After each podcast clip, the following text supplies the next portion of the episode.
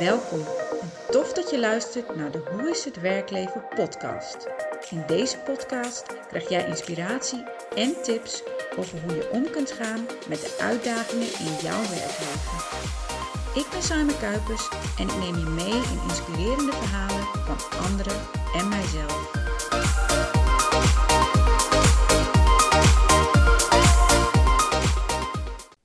Welkom bij deze aflevering van de Hoe is het werkleven podcast. En in deze aflevering interview ik Chantal Duin. En Chantal heeft dierengeneeskunde gestudeerd, is dierenarts en zij ondersteunt daarnaast ook jonge dierenartsen in hun carrière en zij helpt werkgevers.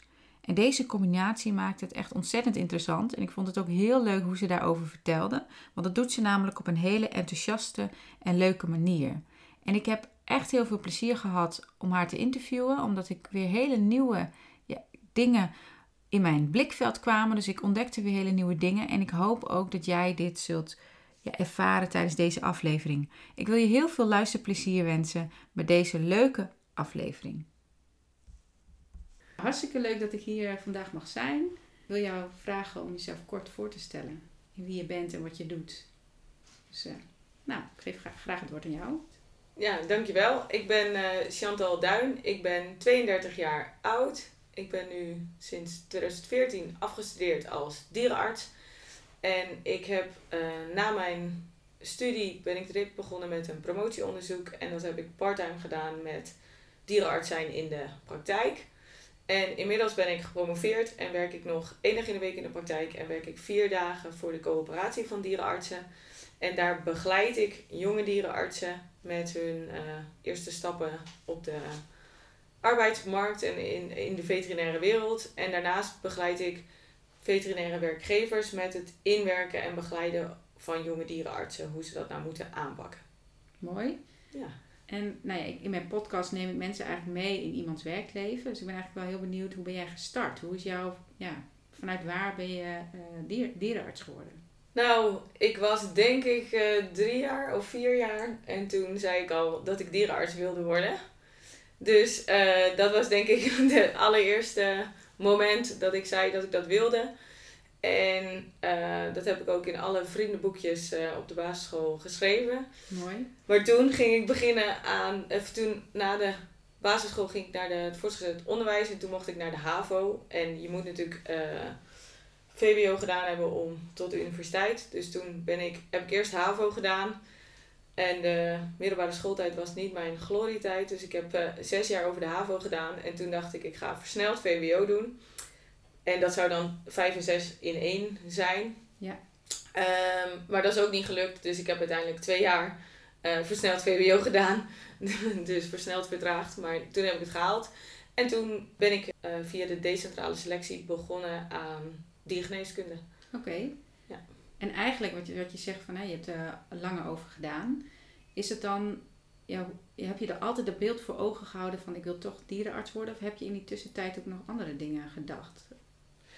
Nou, het is wel zo dat er veel mensen dan toch zeggen van moet je dat nou wel doen? En ook omdat het gewoon, ja die HAVO en dan bleef je zitten in de derde en zo. En ik bleef maar volhouden dat ik toch dierenarts wilde worden. En dan moet je door. Want anders, ja, dan gaat het niet. En op de weg naartoe zijn er ja, toch wel mensen geweest die dan zeggen: ga, ga wat anders doen. Of zijn er niet andere dingen die je leuk vindt. En ik heb echt wel gekeken en gedacht of er nog dingen waren waar ik dan, ja, wat ik dan zou willen doen. Een van de dingen is bijvoorbeeld logopedie, om, uh, als logopedist, omdat mijn broer een uh, logopedist nodig had. En toen dacht ik, nou, dan kun je mensen helpen. En, uh, ja. Maar dat is echt zo'n zijspoor van een keertje nou, erover nadenken en een keer kijken bij zo'n school. Maar ik dacht elke keer toch van, nee, ik wil dierenarts worden, dus Ja. ik moet gewoon door. Wat mooi. Dus eigenlijk heb je dat gevoel wat je zelf had, ondanks dat al die andere mensen zeiden van, eh, nou moet je niet anders gaan doen, Nee. heb je in ieder geval je gevoel gevolgd. Dus dat was wel een Ja. hele mooie. Ja. En hoe is je opleiding dan gegaan? Dus uiteindelijk, eh, je zegt al aan, je middelbare schooltijd was niet het meest, ja, nou, niet je glorietijd. hoe was je studententijd? Ja, dat ging eh, echt hartstikke goed. Ik heb eh, zes jaar, nou ja, bijna niet eens zes jaar gedaan over de hele studie. Dus dat ging eigenlijk, ja, vanzelf is het natuurlijk niet, een, niet waar, want je moet wel echt, het is een hele zware studie. Ja. Maar ik vond het gewoon echt heel leuk. En ik dacht vooral, dit is wel wat ik wil. En bij mij was het ook een beetje dat hoe meer ik ernaast deed, want ik heb ook een bestuursjaar gedaan en nou ja, gewoon allerlei commissies en dingen ernaast. Dat hoe meer ik ernaast deed, hoe beter mijn cijfers waren. Bijzonder. Ja. ja. Hoe, waar, is- waar zit dat hem in voor jou? Nou, dat ik het kon loslaten meer. Gewoon niet alleen maar die focus op ik moet het halen, ik moet het halen. Maar gewoon focus op van allerlei dingen. Ja, dat je het breder kan inzetten waardoor je niet je krampachtig vasthoudt aan iets wat dan toch niet gaat lukken. Maar ja, wel mooi dat je daarachter kwam in die tijd. Dat je dus meer nodig hebt om uiteindelijk je doel te behalen. Ja. Je ging natuurlijk voor, die, voor je diploma en dat je dan aan de slag kon als dierenarts. Ja. En hoe is dat gegaan toen je afgestudeerd was? Nou, die, tijdens de studie dacht ik wel een beetje van... Goh, nu heb ik zoveel andere dingen nodig om, om dit te kunnen doen. Dus naast de, eh, alleen maar de, de diergeneeskundige opleiding. Dat ik dacht, misschien ja, ga ik dit dan mijn hele leven doen, zeg maar, dierenarts zijn? Of moet ik daar ook dingen naast gaan doen? Ja. Eh, maar goed, ik had voor mezelf bedacht, ik ga gewoon fulltime de praktijk in. Of in ieder geval, ja, echt eh, aan het werk als dierenarts. En dat was dus in 2014, maar het was best wel een beetje lastig om werk te vinden. De banen lagen niet voor het oprapen. En ehm, het was ook nog zo dat bij ons in de co-groep altijd de mannen werden wel uitgenodigd op gesprekken en de vrouwen niet. Eh, dus dat is dat behoorlijk, nou ja, dat vond ik best wel vervelend. Want dan dacht je Ja. wel eens van ja, als jonge jongen, we hebben net dezelfde studie gedaan en waar, waar slaat dit op? Ja. En toen kreeg ik eh, van eh, ehm, een van de professoren waar ik mee gewerkt had een bericht of ik een studentenbaantje wilde doen. En daarvoor moest ik praten, maar ik deed altijd al studentenbaantjes. En toen dacht ik een beetje van, goh, wat is dit nou? En toen ging ik er naartoe. En toen, eh, nou ja, om een lang verhaal kort te maken, zei hij aan het eind... eh, we willen je een promotieplek aanbieden. Mooi, ja, dat is, dat is mooi. Kan Ja. voorstellen, echt een... Ja, en toen dacht ik echt, oh, ehm, ja, nou, dit had ik helemaal niet zien aankomen. En is dat wel iets voor mij? Maar goed, toen ook een beetje met oog op dat je geen baan kon, of ja, dat banen vinden lastig was, dacht ik, nou, ik ga gewoon beginnen. En als het dan niks is, dan stop ik er gewoon mee met een half jaar. En dan kan ik altijd zeggen, ik heb het geprobeerd, maar het was niet wat voor mij. Met name ook omdat ik dacht, ja, ik ben nooit de ster geweest, zeg maar de, de slimste van de klas of de beste van de klas. Ik doe gewoon mijn ding, zeg maar Ja. zo. Ja. En nou ja, toen ben ik dus daaraan begonnen. Oh, oh ja, en toen hadden ze ook gezegd van we weten dat je de praktijk in wilt, dus ik mocht het combineren. En toen ineens had ik dus in, toen ik ja gezegd had tegen het promotietraject, had ik een week later ook voor twee dagen een baan in de praktijk erbij. Dus toen had ik ineens, had ik het allebei. En toen dacht ik, nou, dit is weer eh, mooi, mooi gegaan, want ik mocht beginnen bij de, het stageadres waar ik mijn laatste stage had gelopen. Echt als dierenarts. Als dierenarts. Ja. ja. En wat voor promotieonderzoek eh, was het wat je deed? Nou, mijn promotieonderzoek ging over uh, diergeneeskundig onderwijs. En dan met name het, uh, laatste, de laatste fase, dus de, het klinische masteronderwijs. Dus echt welke klinische vaardigheden je als dierenarts moet kunnen. Dus denk daarbij aan het steriliseren van een kat of Ja. het doen van een keizersnede. Of, maar ook de anamnese afnemen om tot een diagnose te komen. Zeg maar. Alles wat je doet, echt doet als, als taken, ja, wat de taken van de dierenarts zijn. Ja. En dan ook met de overgang van de, van de faculteit naar de praktijk. Van wat zijn nou de dingen, wat ontbreekt er nog als je begint uh, in de praktijk? Dus eigenlijk dat je klaar bent om echt aan de slag te gaan ergens. Ja. Want je loopt wel stage tijdens die opleiding. Ja. Tenminste, dat heb jij gedaan ook. Ja. Dus in die zin leer je in de praktijk tijdens je opleiding ook dingen. Ja, dat moet ook haast wel, want je moet natuurlijk weten hoe je een kat moet steriliseren. Of... Ja, dus je leert wel dingen, maar het is ook wel een beetje te vergelijken eigenlijk met het rijbewijs. Dat als je kan, uh, uh, je rijbewijs hebt, dan mag je auto rijden. Maar het is nog niet dat je in alle situaties Nee, weet nee, wat er nee, moet. En dat je langzaamaan, doordat je kilometers maakt, krijg je ervaring en kun je de dingen echt. Ja. ja, precies. En hoe was voor jou die combinatie tussen promotie en nou ja, echt in de praktijk aan de slag? Ja, voor mij heeft dat super goed uitgepakt. En ik denk dat ik het uh, niet eens anders had gewild. Vooral ook, ik denk ook als je kijkt dan naar die studententijd, dat ik er ook wat nodig heb om dingen te combineren. Zodat het, dat werkt voor mij op de een of andere manier beter. Dus ja, dat, dat was gewoon een, een, heeft echt een hele goede impact gehad op hoe alles gegaan is. En ja, en het is ook wel eens lastig natuurlijk. om eh, zaken te combineren. Maar het is ook wel, het was juist de uitdaging die het leuk maakte, juist ook. Ja, oké. Dus, en heb je daarnaast dan ook nog dingen nodig gehad, wat je in de studententijd nodig had, zeg maar, om je ja, focus te houden? Eh, heb je dat ook in die baan of waren die, was die combi al genoeg? Nou, ik heb daarnaast ook nog wel andere dingen gedaan. Ook een uh, promovendi club van mensen die elkaar uh, stukken reviewen en zo. Daar ben ik dan voorzitter van geweest. En ja, ook nog hele andere dingen gedaan. Ik heb ook nog uh, de assistentes van de praktijk een nascholing gegeven over de apotheek. En ja, ook allerlei zaken. Ja, dus eigenlijk ben je wel iemand die houdt van veelzijdigheid. en, of tenminste, die conclusie kan ik eruit trekken, maar ik weet niet of dat zo is. Ja. Dat je houdt van veel dingen en, ja. en, ja, en uitdaging zoekt. En bij het de, de promotieonderzoek hoort ook uh, lesgeven. Ik was tutor van uh, bachelorstudenten, tutor van masterstudenten. Uh, ik deed congressen, moest ik heen, moest je presentaties geven. Dus ja, het Ja. is sowieso natuurlijk al veelzijdig. Ja. En hoe lang heeft het onderzoek geduurd? Wanneer, wanneer was het af? Ik heb er 4,5 jaar over gedaan Oké. en toen was het af. En wat was de uitkomst? Is daar iets bijzonders uitgekomen voor jouzelf? Of voor, nou, vanuit het onderzoek? Nou, wat in het kader van, van waar we het nu over hebben, denk ik wel heel interessant is, dat eh, de jonge dierenartsen, als je begint aan de, in de praktijk, dat het ongeveer zes maanden duurt voordat ze het gevoel hebben dat ze het kunnen, ehm, maar wel met telefonische achterwacht. Ja. En dat ze na ongeveer tien maanden zeggen van nou dan kan ik de meeste dingen wel alleen. Oké. Dus dat je echt wel echt die tijd nodig hebt om die kilometers te maken in de praktijk. En is die achterwachten dan ook altijd? Of hoe, ja, hoe Nou, dat? nee. Want dat heeft natuurlijk ook weer te maken met wat ik nu doe bij eh Dactari Dierenartsencoöperatie. Dus waar ik vier dagen in de week werk. Dat ik die jonge dierenartsen begeleid met... Ja, hoe moet je nou eh, je weg vinden in de praktijk? En wat kun je wel vragen van je werkgever? Wat vraag je niet aan je werkgever? Maar hoe eh, kun je daar dan mee omgaan als, als je daar niet terecht kan? Ja. Dus ehm, ja, want het is... De diergeneeskundige praktijk is wat dat betreft ook wel echt een harde, nou ja, toch wel een harde wereld. Er wordt veel van je verwacht. Ja. En in, in wat voor, kun je daar nog iets meer over vertellen? Hoe, hoe in die zin, wat maakt het hard? Nou, ze verwachten gewoon dat je het kan. En dat is natuurlijk logisch, want als je naar de dierenarts gaat met je kat of je hond of, of je koe of je paard, zeg maar, dan wil je dat die goed geholpen wordt. En er zijn dus nog dingen die je moet leren. Ja. En Dus, eh, en het is ook nog een eh, zaak van leven en dood. Ja. Niet natuurlijk gelukkig niet altijd.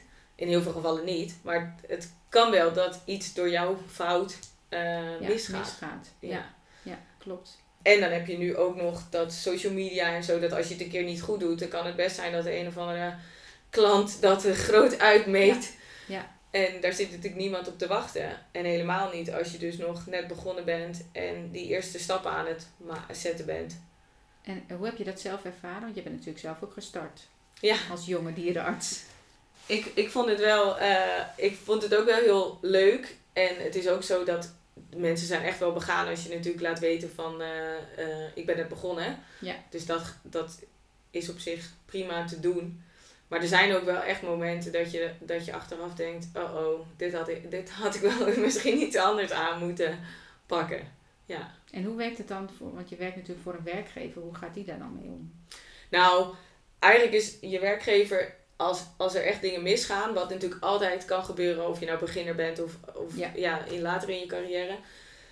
Als er iets misgaat, dan moet het hele team gewoon achter je staan. Ja. En dan komt het goed. En eh, ja, en misschien niet voor dat, die ene patiënt, maar in het geval van, je moet gewoon met z'n allen ervan leren en kijken wat ging er mis en waar kunnen we het veranderen of hoe kunnen we het de volgende keer anders aanpakken. En als je nu kijkt, hè, want je bent uiteindelijk natuurlijk gestart in 2014. Als je nu kijkt naar wat je, eh, je nu weet, maar toen misschien al had willen weten. Heb je, daar, heb je daar iets waarvan je denkt, oh dat had ik eigenlijk al eerder geleerd willen hebben? Nou, dat is een leuke vraag. Want ergens denk ik, je hebt sommige, sommige eh, dingen ook nodig om verder te komen. Ja. Dus dan is de vraag van, ja, had je dat dan gelijk moeten weten? Weet ik niet. Maar wat in sommige gevallen denk ik wel eh, fijn is, dat je van tevoren weet dat dat team achter je staat. Ja. En dat is ook altijd iets wat ik werkgevers wel meegeef van zorg nou dat die dierenarts, die jonge dierenarts in een soort warm bad terechtkomt. Want dan kun je ook floreren. Ja. En op het moment dat je niet weet wat er gaat gebeuren als er iemand boos op je wordt. Want soms worden mensen ja, ook boos op je zonder dat je iets fout gedaan hebt. En daar kun je zo'n knauw van in je zelfvertrouwen oplopen. Dat ik eigenlijk denk dat dat het belangrijkste is. Dat je in een team terechtkomt waar je kunt leren en waar je mag leren. Ja. En waar iedereen nog leert. Want ik denk dat dat is ook een hele belangrijke. Ja. wordt daar tijdens de opleiding ook aandacht aan besteed? Bijvoorbeeld als inderdaad een klant boos op je wordt, hoe je daar dan mee om moet gaan? Of is het echt vooral specifiek op het dierenarts zijn waar, waar je in uh, opgeleid wordt? Nee, er is ook een, een vak uh, professionele en persoonlijke ontwikkeling. En daarin wordt dit, worden dit soort thema's wel meegenomen. Maar goed, er zijn natuurlijk. Uh, je kunt je afvragen of dat genoeg is. Want sommige dingen die merk je pas echt in de praktijk. Die voel je pas echt als het aan de hand is. En dan kun je nog zoveel casuïstiek bespreken, maar dan is de. Ja, dan leer je het meeste van als het het moment daar is. Ja, ja dus wat je zei met de autorijden. Hè? Je leert het pas op het moment dat je het doet en dat je je papiertje al hebt. En dat geldt voor dit natuurlijk ook. En dan is het belangrijk dat die werkgever achter je staat. Of je team in ieder geval, waar je dan mee samenwerkt. Ja. Ehm, en dat je daar ook ja, met elkaar over kunt hebben. Want hoe is dat doorgaans in, in deze wereld hè, van dierenartsen? Hoe, hoe wordt daarover gesproken met elkaar? Van als het lastig is of als het ja, als je dingen ergens tegenaan loopt wat gewoon niet, niet goed voelt of een negatieve ervaring, wordt daar met elkaar over gepraat? Nou, voor mijn gevoel wel steeds meer. En ik denk dat het ook komt omdat nou ja, de millennial ook uh, de ja. beroepsgroep uh, toet, ja, toetreedt tot de beroepsgroep. Want de millennial wil praten en wil feedback en wil dat allemaal. Dus daardoor krijg je wel een, nou ja, een slag die gaat naar meer stilstaan bij, bij dit soort dingen. En ook bij, nou ja, ook van wat gaat er nou goed en waar kunnen we nou met z'n allen nog wat, uh, wat aan doen. Dus ik denk wel dat daar een omslag zit, maar dat die wel langzaam gaat. Ja. En ligt dat dan aan de wereld? Heb je daar een beeld van waar dat dan in zit, waar dat het langzaam gaat? Nou, er is wel ook een beetje zo'n wereld van ja, wij hebben dat ook zo gedaan. En wij werden met de kaart op pad gestuurd en we moesten gewoon rijden. En dit waren de visites die je moest doen. Of dit waren gewoon de consulten die je moest doen. En ja, echt een beetje rouwdouw, uh, wereld. En nu is dat natuurlijk veel minder, want nu de klanten verwachten ook veel meer. Of de patiënteigenaren willen gewoon dat je het goed doet. Ja. Dus dat maakt ook dat, dat daar natuurlijk een verschuiving in ja. zit. Precies. En ik kan me ook voorstellen inderdaad wat je al aangaf, die hele social media wat impact heeft uh, op, ja, op de verantwoordelijkheid die je sowieso afvoelt, maar die nog extra een tandje bij wordt gezet. En nu, want je, je gaf ook aan van, dat je ook jonge um, ja, dierenartsen hierin begeleidt. Wat merk je daarin? Wat kom je daar tegen?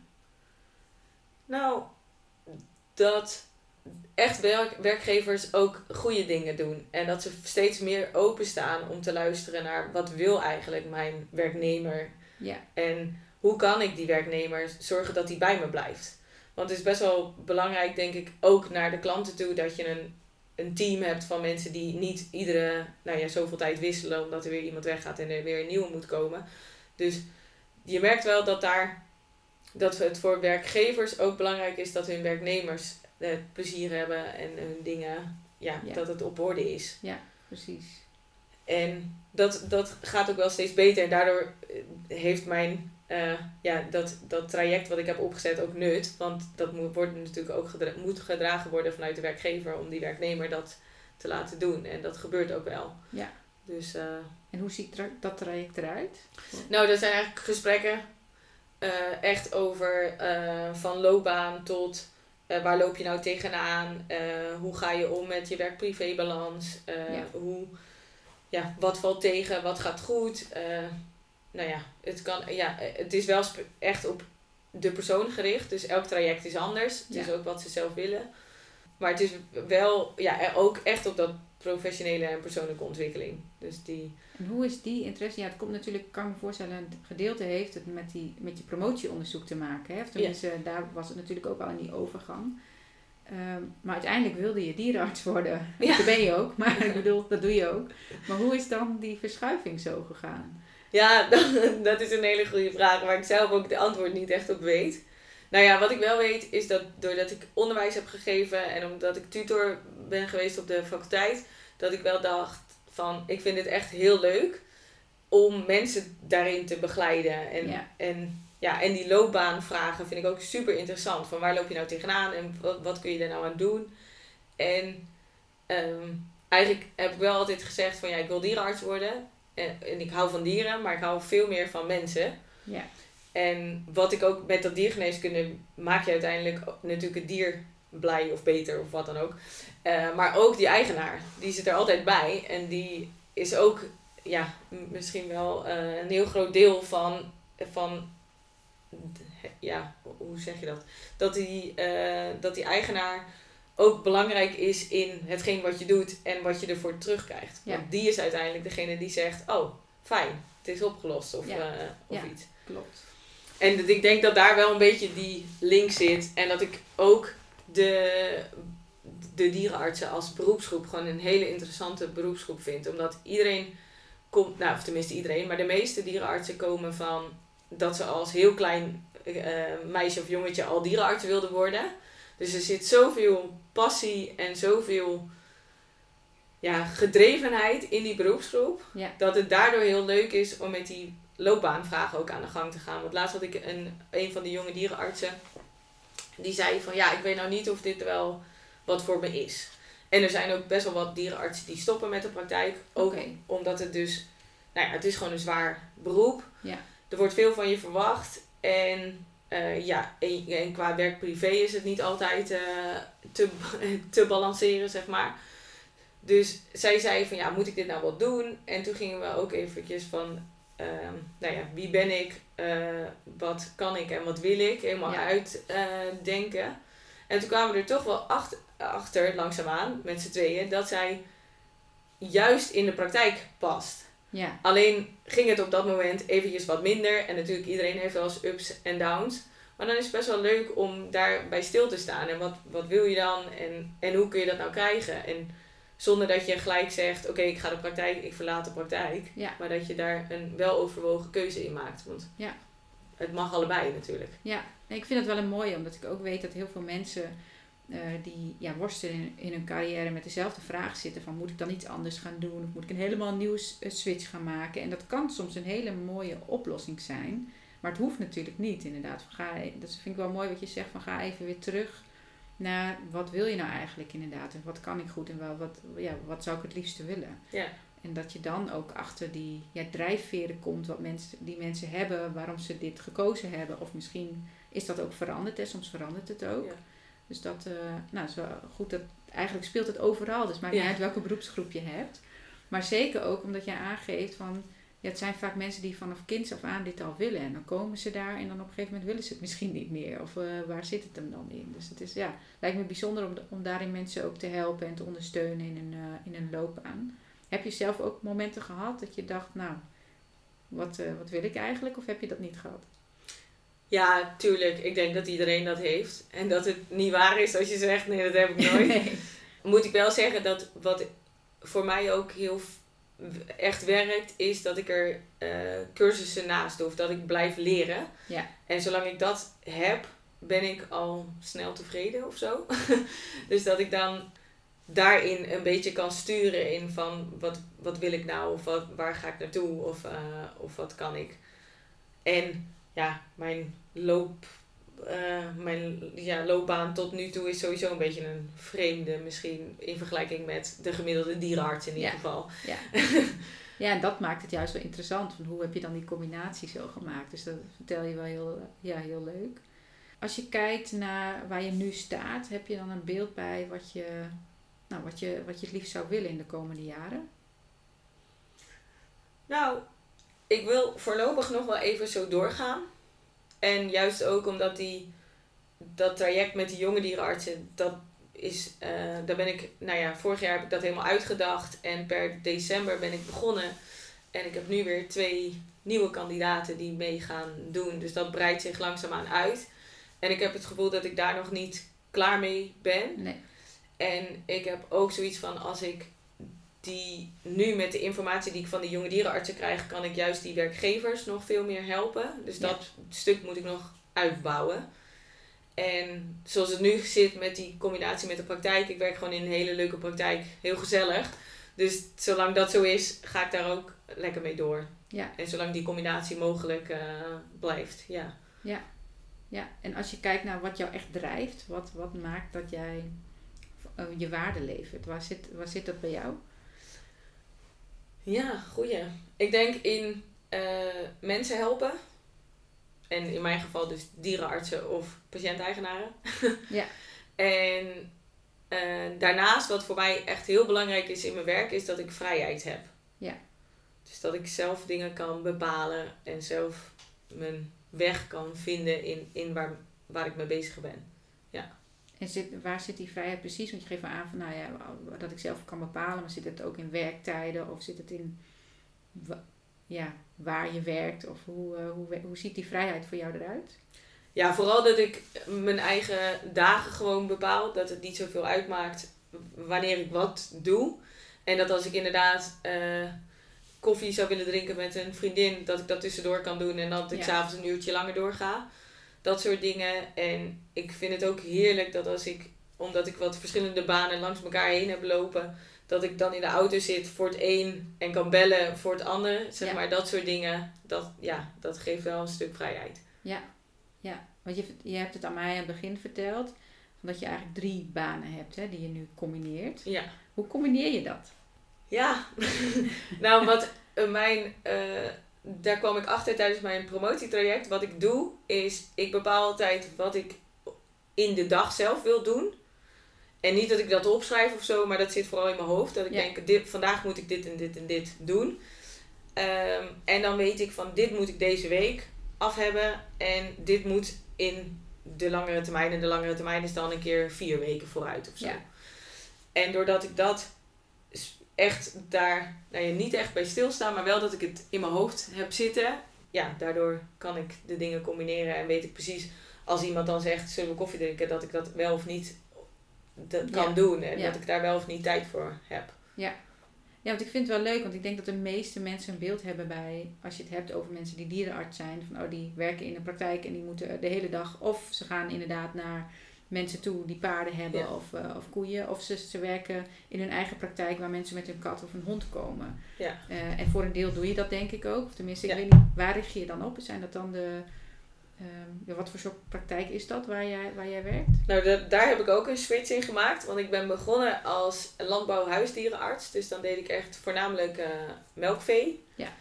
En dan reed ik dus van de ene veehouder naar de volgende. En sinds vorig jaar, nadat ik eh, mijn promotie klaar had, ben ik gestopt bij de landbouwhuisdieren. En doe ik nu gezelschapsdieren. En dat heeft er ook mee te maken dat ik anders met te veel dingen eh, bezig was. Dan had je ook diensten die het hele weekend duurden. Ja. En dan kon ik het niet meer combineren met afspraken op maandagochtend en dat soort dingen. Dus daarom heb ik bewust die overstap ge- gemaakt van de, naar de gezelschapsdieren. Ja. En nu sta ik dus in de praktijk inderdaad. En de praktijkdag, daar valt niet heel veel aan te, Nee, aan dat is niet vrijheid. Nee. Nee. Nee. Nee. nee, maar het is ook wel dat zelfs in de praktijk vind ik dat je wel een stukje vrijheid hebt. Omdat als je het leuk vindt om konijnen te doen, dat je dan de konijnen ook krijgt. En dat een andere collega zegt van nou, ik vind het veel leuker om eh, eh, honden te doen of orthopedische patiënten. Of dat je daar ook wel wat vrijheid natuurlijk in hebt. Oké. Ja, voor mij is dat fascinerend, want ik ken die wereld niet heel goed. Dus ik vind het heel leuk hoe je daarover vertelt. En wat zijn de dingen die je bent tegengekomen dat je, dat je denkt van, nou, dat vond ik echt heel lastig. Als je het dan hebt over puur eh, met dieren, hè? dieren en hun ja, baasje noem je dat, eh, Ja. eigenaren misschien wel. Heb je daarin dingen meegemaakt waarvan je denkt, oh, dat was echt lastig, of een mooie les misschien wel? Nou, wat ik het lastigste vind, nu vooral in de gezelschapsdieren, is dat er mensen zijn die komen met een dier, die zelden naar de dierenarts gaan. En dan komen met een dier, of een kat, nou stel een kat van 15, en dan zeggen, ja hij is benauwd, help mij. Ja, En dan denk ik, ja, deze mensen hebben eigenlijk niet door dat ze dit dier verwaarloosd hebben. ja precies. En niet verwaarloosd door niet naar de dierenarts te gaan. Want eh, ja, ik zeg helemaal niet dat dat per se moet. Maar op zich is het goed om jaarlijks een check te doen. Van nou ja, hoe, hoe staat het ervoor met mijn dier? En dat vind ik echt, daar kan ik echt wel, uh, nou ja, wakker van liggen is misschien niet helemaal het goede woord. Maar wel dat ik daar echt van kan balen. Want dan denk ik, ja, wat, wat denkt u nu? Weet je wel, wat verwacht u nu van mij? Want ik ben geen wonderdokter. Uh, het enige wat eerlijk is naar dit dier toe, is euthanasie in sommige gevallen. Ja, dat is, dat is heftig. Ja. ja. En hoe ga je daar dan mee om? Want die mensen zijn waarschijnlijk niet helemaal bewust van zichzelf of zo. Of tenminste, dat is dan mijn beeld. Die mensen die denken, nou ja, eh, mijn, mijn beest is nu ziek, dus nu moet het opgelost worden. Maar hoe ga je daarmee om als jij eigenlijk al ziet van, hé, hey, dit is eigenlijk niet oké? Nou ja, wat ik wel probeer te doen is gewoon een diagnose, of nou gewoon, maar om een, de diagnose te stellen. En kijk, als het wel op te lossen is, dan doe je dat met alle liefde natuurlijk. Ja. Alleen bij sommigen wordt, ja, dan wordt het gewoon zo'n heel chronisch geval. en dan, ja, dan is het toch dat je, doordat je de diagnose hebt, kun je ook wel uitleggen van ja, het is klaar. Ja. Ja. Maar dat vind ik denk ik wel de, nou voor nu in ieder geval in de, ja, bij de gezelschapsdieren wel de, de heftigste gevallen. Ja, en spreek je mensen daar dan ook op aan? Van u had eigenlijk eerder moeten komen? Of is dat iets wat nog niet normaal is? Of? Nou, dat zeg je wel. Van, uh, dat, ik probeer wel altijd duidelijk te zijn in dat het een probleem is wat al veel langer speelt. Ja. En dat het dan sluimerend is gekomen. Maar dat als iemand natuurlijk tegen mij zegt van ja, heeft, het is denk ik twee maanden geleden gebeur, uh, gekomen en het gaat om benauwdheid. Dan denk ik, ja, je kunt niet twee maanden wachten met benauwdheid. Nee. Nee, klopt. Nee. Ja. Dat doen wij ook niet. Nee, precies. Ja. Tenminste, over het algemeen. Maar hier, als ik jou dan hier, hier spreek, voel ik echt wel dat ik denk, oh jij doet het toch wel echt voor die dieren om zo goed mogelijk. Ja.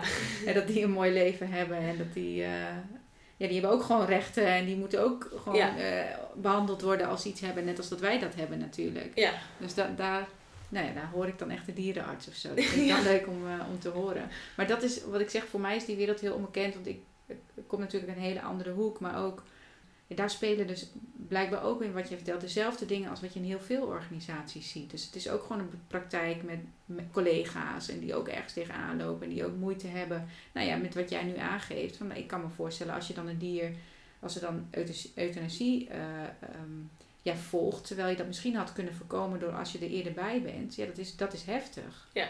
En nou ja, heb je het daar dan ook over met mensen als je dan daar tegenaan loopt? Dat je denkt, nou, ik word er eigenlijk wel een beetje kwaad van. Ja, daar hebben we het wel met de collega's gewoon over. Van, wat vind je hier nou van en, en wat, gaan we, wat gaan we doen? Ja. En ook gewoon, in mijn geval moet ik het ook altijd even ventileren. En dan kan ik het ook wel weer plaatsen. En dan denk ik ook, ja, sommige mensen weten het ook gewoon echt niet. Dus die kun je ook niet zo heel veel kwalijk nemen dan. Nee. Ook al kan ik op dat moment voor dat dier wel balen. Want dan denk ik, ja, kom op zeg. Ja. dan moet je Ja. geen kat of hond, uh, hond nemen. Maar het is ook wel soms uh, dat je juist hele mooie gevallen ook hebt. Dat je dan denkt, oh, het is tricky, maar we gaan het proberen. En dat je ook met die eigenaar afspreekt van, ja, uh, zullen we het proberen? Ben je het er mee eens? Dat gaan we doen. En dat als je dan een week later ze terug laat komen, dat ze dan helemaal binnenkomen van, nou, het gaat zoveel beter. En Oh, ja, dat zijn natuurlijk Ja. ook hele, hele leuke dingen aan het vak. Ja. Dat Ja. je mensen uh, ja, echt blij kan maken. En die honden of Ja. katten net zo natuurlijk. Dieren natuurlijk ook. Ja. En zie je ook het verschil als je het dan hebt over die ja, stukje verantwoordelijkheid, is het maar soms misschien ook onwetendheid tussen mensen met een gezelschapsdier of mensen die boer zijn en vee hebben? Ja, de, daar zie je zeker verschil tussen, omdat veehouders hebben veel meer kennis. En soms van school, want inmiddels zijn de meeste veehouders ook gewoon, die hebben of Wageningen gedaan, zeg maar de universiteit, of gewoon Ja. een HBO of MBO opleiding. En uh, de meeste draaien ook al vanaf zo groot, of ja, vanaf heel jong draaien ze mee in het bedrijf, dus die weten echt veel ervan. Ja. Uh, dus je hebt ook hele andere gesprekken met die mensen. Ja. ja. Ja, want die weten waarschijnlijk ook een beetje wat er aan de hand is met hun dier als er dan iets aan de hand is. Ja. In plaats van dat iemand gewoon een kat heeft en, uh, nou ja, en inderdaad alleen maar ziekenhuis benauwd. En ja. dat is het dan. Ja. ja. Heb je daar ook voorkeur in? Je hebt nu gekozen voor uh, natuurlijk gezelschapdieren met een reden, maar heb je dan ook het gevoel van, ja, waar, nu je die vergelijking hebt, wat vind je leuker? Ja, dat is wel een tricky vraag. je hoeft hem niet te beantwoorden. nee, nou ja, ik heb eh, ik vind het mooie van de, van de landbouwhuisdieren dat je samen met de veehouder plannen maakt. Dus veel meer samen. En bij de gezelschapsdieren is het meer ja, dat je een soort van advies geeft en dan hoopt dat de eigenaar dat gaat doen. Ja. En in sommige gevallen is dat ook niet, want best, met sommige eigenaren kun je ook wel samen een soort van plan eh, maken. Maar dat, doordat de expertise bij de uh, veehouderij veel meer zit, is het gewoon een hele andere benadering. Ja. En wat de charme is natuurlijk aan van de ene boerderij naar de volgende rij is dat je ook bij die mensen aan de koffie zit. En Ja. ook dat hele sociale aspect zit er ook bij. Ja, precies. Dat heb je natuurlijk minder als mensen gewoon binnenkomen. Met Ja. Een hond of kat of konijn. Of, eh, Ja. Nou ja, ook dan komen mensen wel met hele verhalen soms. ja, ja. ja, En nu met de coronatijd dat mensen eh, toch wel hun zorgen uiten. Of, ja, dus het is, alleen het is op een andere manier. ja, precies. Maar ik kan niet echt zeggen van nou dat vind ik eh, echt het allerleukst of zo. Maar dat is misschien ook een beetje die veelzijdigheid die mij Ja. op de been houdt. Ja, nou en dat je dus ook alles, op een gegeven moment heb je alles ook gedaan of zo. Hè? Dus dan Ja. heb je en ja, inderdaad eh, meer met koeien en paarden en aan de andere kant dus ook de kleine dieren. Ja. Eh, ja, op een op een gegeven moment kun je alles. En je hebt dan ook nog het stukje ja, met hoe mensen zich ontwikkelen en loopbaan. En, eh, want daarin heb je ook, en je gaf aan van ik doe ook wel opleidingen. Wat, wat voor op, soort opleidingen heb je gedaan tot nu toe? Of cursussen? Ja, ik heb de coachingsopleiding ge- afgerond. Ja, of ik moet nog een verslag schrijven, maar in principe, In principe is die afgerond. Nee, in principe is die afgerond, ja. En is dat ook omdat je natuurlijk werkt met mensen, ehm, is dat daarvoor bedoeld? Of had je daar sowieso interesse in? Nee, nou ja, ik heb dus dat traject bedacht van, voor de jonge dierenartsen. En toen dacht ik om te laten zien dat ik dat dan ook echt kan. En niet alleen maar met, ik heb wat tutorstudenten begeleid gedurende mijn promotietraject. Dacht ik van nou, als ik dan die coachingsopleiding heb gedaan, dan staat dat ook als een huis. Ja. Mijn basis, zeg maar. En ik vond het wel heel fijn om van die handvatten te krijgen hoe je bepaalde ja, trajecten toch kan aanpakken. En hoe je bepaalde gesprekken in kan steken en zo. Dus Ja. dat heeft Ja. me wel veel, eh, veel goed gedaan. Ja, ja mooi. Goed om dat eh, nou, te horen. Als je nu kijkt, hè, naar als je, nou, je, je hebt natuurlijk veel met jonge dierenartsen te maken. Wat zou jij kunnen zeggen tegen mensen die nu starten als dierenarts? Zorg dat je iemand hebt om mee te kunnen praten, mee te kunnen sparren. Eh, schaam je niet voor waar je tegenaan loopt, maar maak het bespreekbaar. En bespreek ook met je werkgever of je senior eh, in de praktijk wat je zou willen en, wat, ja, en hoe je je inwerktraject ziet. Ja. Want dat, ik denk dat daar de werkgever en de werknemer gewoon heel veel van elkaar kunnen leren. Ja. En wordt het, dat, wordt het ook gedaan? Is dat iets wat, ze, wat, wat mensen doen? Of ben jij daar dan echt iemand in die daarin coacht of begeleidt? Nou, wordt het gedaan? Ja, steeds meer. Ja, Ja, wat je ook al eerder zei. Ja. ja, dat is eigenlijk precies zo'n dingetje. ja, precies. Dan heb je toch weer met de millennial die, Ja. die daar behoefte aan heeft. Ja. En in zijn algemeenheid, en nu ging het dan echt over dierenartsen. Je hebt natuurlijk nou, best wel veel jonge mensen die nu starten op de arbeidsmarkt. Kun je daar iets over zeggen? Of waarvan je zegt van nou, als ik eh, mensen iets zou willen meegeven, wat zou je dan mee willen geven? Aan de jonge dierenarts? Nee, gewoon überhaupt aan mensen die nu starten. Of, Of aan, aan, ja, aan startende mensen? Ja, Nou, ik denk eigenlijk dat voor de startende mensen in het algemeen ook geldt. Van zorg dat je kunt sparren en dat je blijft reflecteren ook op je eigen handelen. Ik denk dat in ieder geval millennials dat zeer ja, goed kunnen. Ja, ja. Maar dat dat ook wel echt belangrijk is. En dat je vooral nadenkt over waar je plezier uithaalt. Want ik denk wel eens dat sommige mensen zitten ergens en dan denk ik, hoe kun je nou zo lang ergens blijven zitten? Terwijl je ook kan nadenken over wat kan ik wel, eh, of ja, wat maakt mij gelukkig? Ja. En ik denk dat dat voor iedereen die start wel heel belangrijk is. Ja. En dat eh, deels is het ook een stukje proberen. Nou ja, wat ik zelf ook had gezegd, van ik ga een half jaar proberen. En als het Ja. dan niet wat voor me is, dan stop ik ermee. Maar ik denk dat dat ook wel goed is van, om voor jezelf doelen daarin te stellen. Van nou, ik ga het gewoon proberen. En dan tot dan. En als er niks verandert, of ik, dat je dat soort dingen ook aangeeft. Als je Ja. wel ergens tegenaan loopt. Ja. ja, dat is wel een hele mooie. Ja. want dan zie je vaak dat mensen ergens eh, gaan werken en die blijven daar werken, wat jij ook aangeeft. En op een gegeven moment dan zitten ze daar tien jaar en dan denken ze, oh, maar ik ben toch niet helemaal meer happy of zo. Terwijl je, nou ja, misschien na een jaar al kan zeggen van dit is het echt niet voor mij. En dat je dan kunt kijken, wat wil ik dan echt? Ja. In plaats van dat je ergens tien, niet, niet dat het mis is dat je ergens tien jaar werkt hoor, absoluut niet. Maar wel als je tien jaar ergens werkt waar, waar je niet blij van wordt. Hè? Ja. Dat, dat, dat is denk ik het verschil. Ja. En waar, wat maakt jou echt gelukkig? Want je hebt het over, ja, mensen moeten iets doen wat ze gelukkig maken. Wat is dat voor jou? Nou ja, wat mij gelukkig maakt is eh, de veelzijde, het veelzijdigheid in alles wat ik doe. En daarnaast dat ik mensen kan blij maken. Of mensen kan, eigenlijk mensen kan laten nadenken over wat ze zelf willen. En ze daarin kan motiveren en ja, begeleiden. Dat Ja. maakt mij wel echt gelukkig. En dus ook bij mensen in de praktijk met hun dier. Dat Ja. je die de juiste kant op, eh, op motiveert eigenlijk. Ja. Ja. Ja. Dus dat is denk ik wel waar ik echt eh, waar ik gelukkig van word in mijn werk. Ja. En wanneer is het voor jou een moment dat je zegt van nou, nu moet ik weer, hoe werkt dat bij jou? Nu moet ik weer eh, iets anders gaan doen. Waar merk je dat aan voor je, bij jezelf? Nou, als ik toch wat negatiever of zo word, ja, dan ga ik wel echt nadenken over waarom ben ik nou negatief en waarom ben ik nu de hele week al negatief. Weet je wel, dat ik daar even bij stilsta van wat maakt nou dat ik negatieve gedachten heb terwijl ik eigenlijk een vrolijke persoon ben.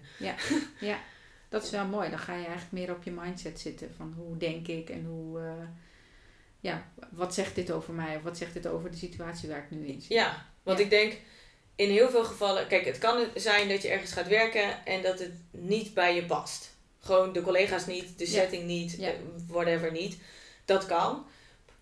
Maar het is heel vaak ook dat je moet nadenken van oké, de mensen, want heel vaak de collega's zijn altijd waanzinnige mensen en er zijn er maar weinig die waarvan je echt denkt, nou die vind ik, dat is niet mijn eh, type of zo. Dat valt eigenlijk hartstikke mee.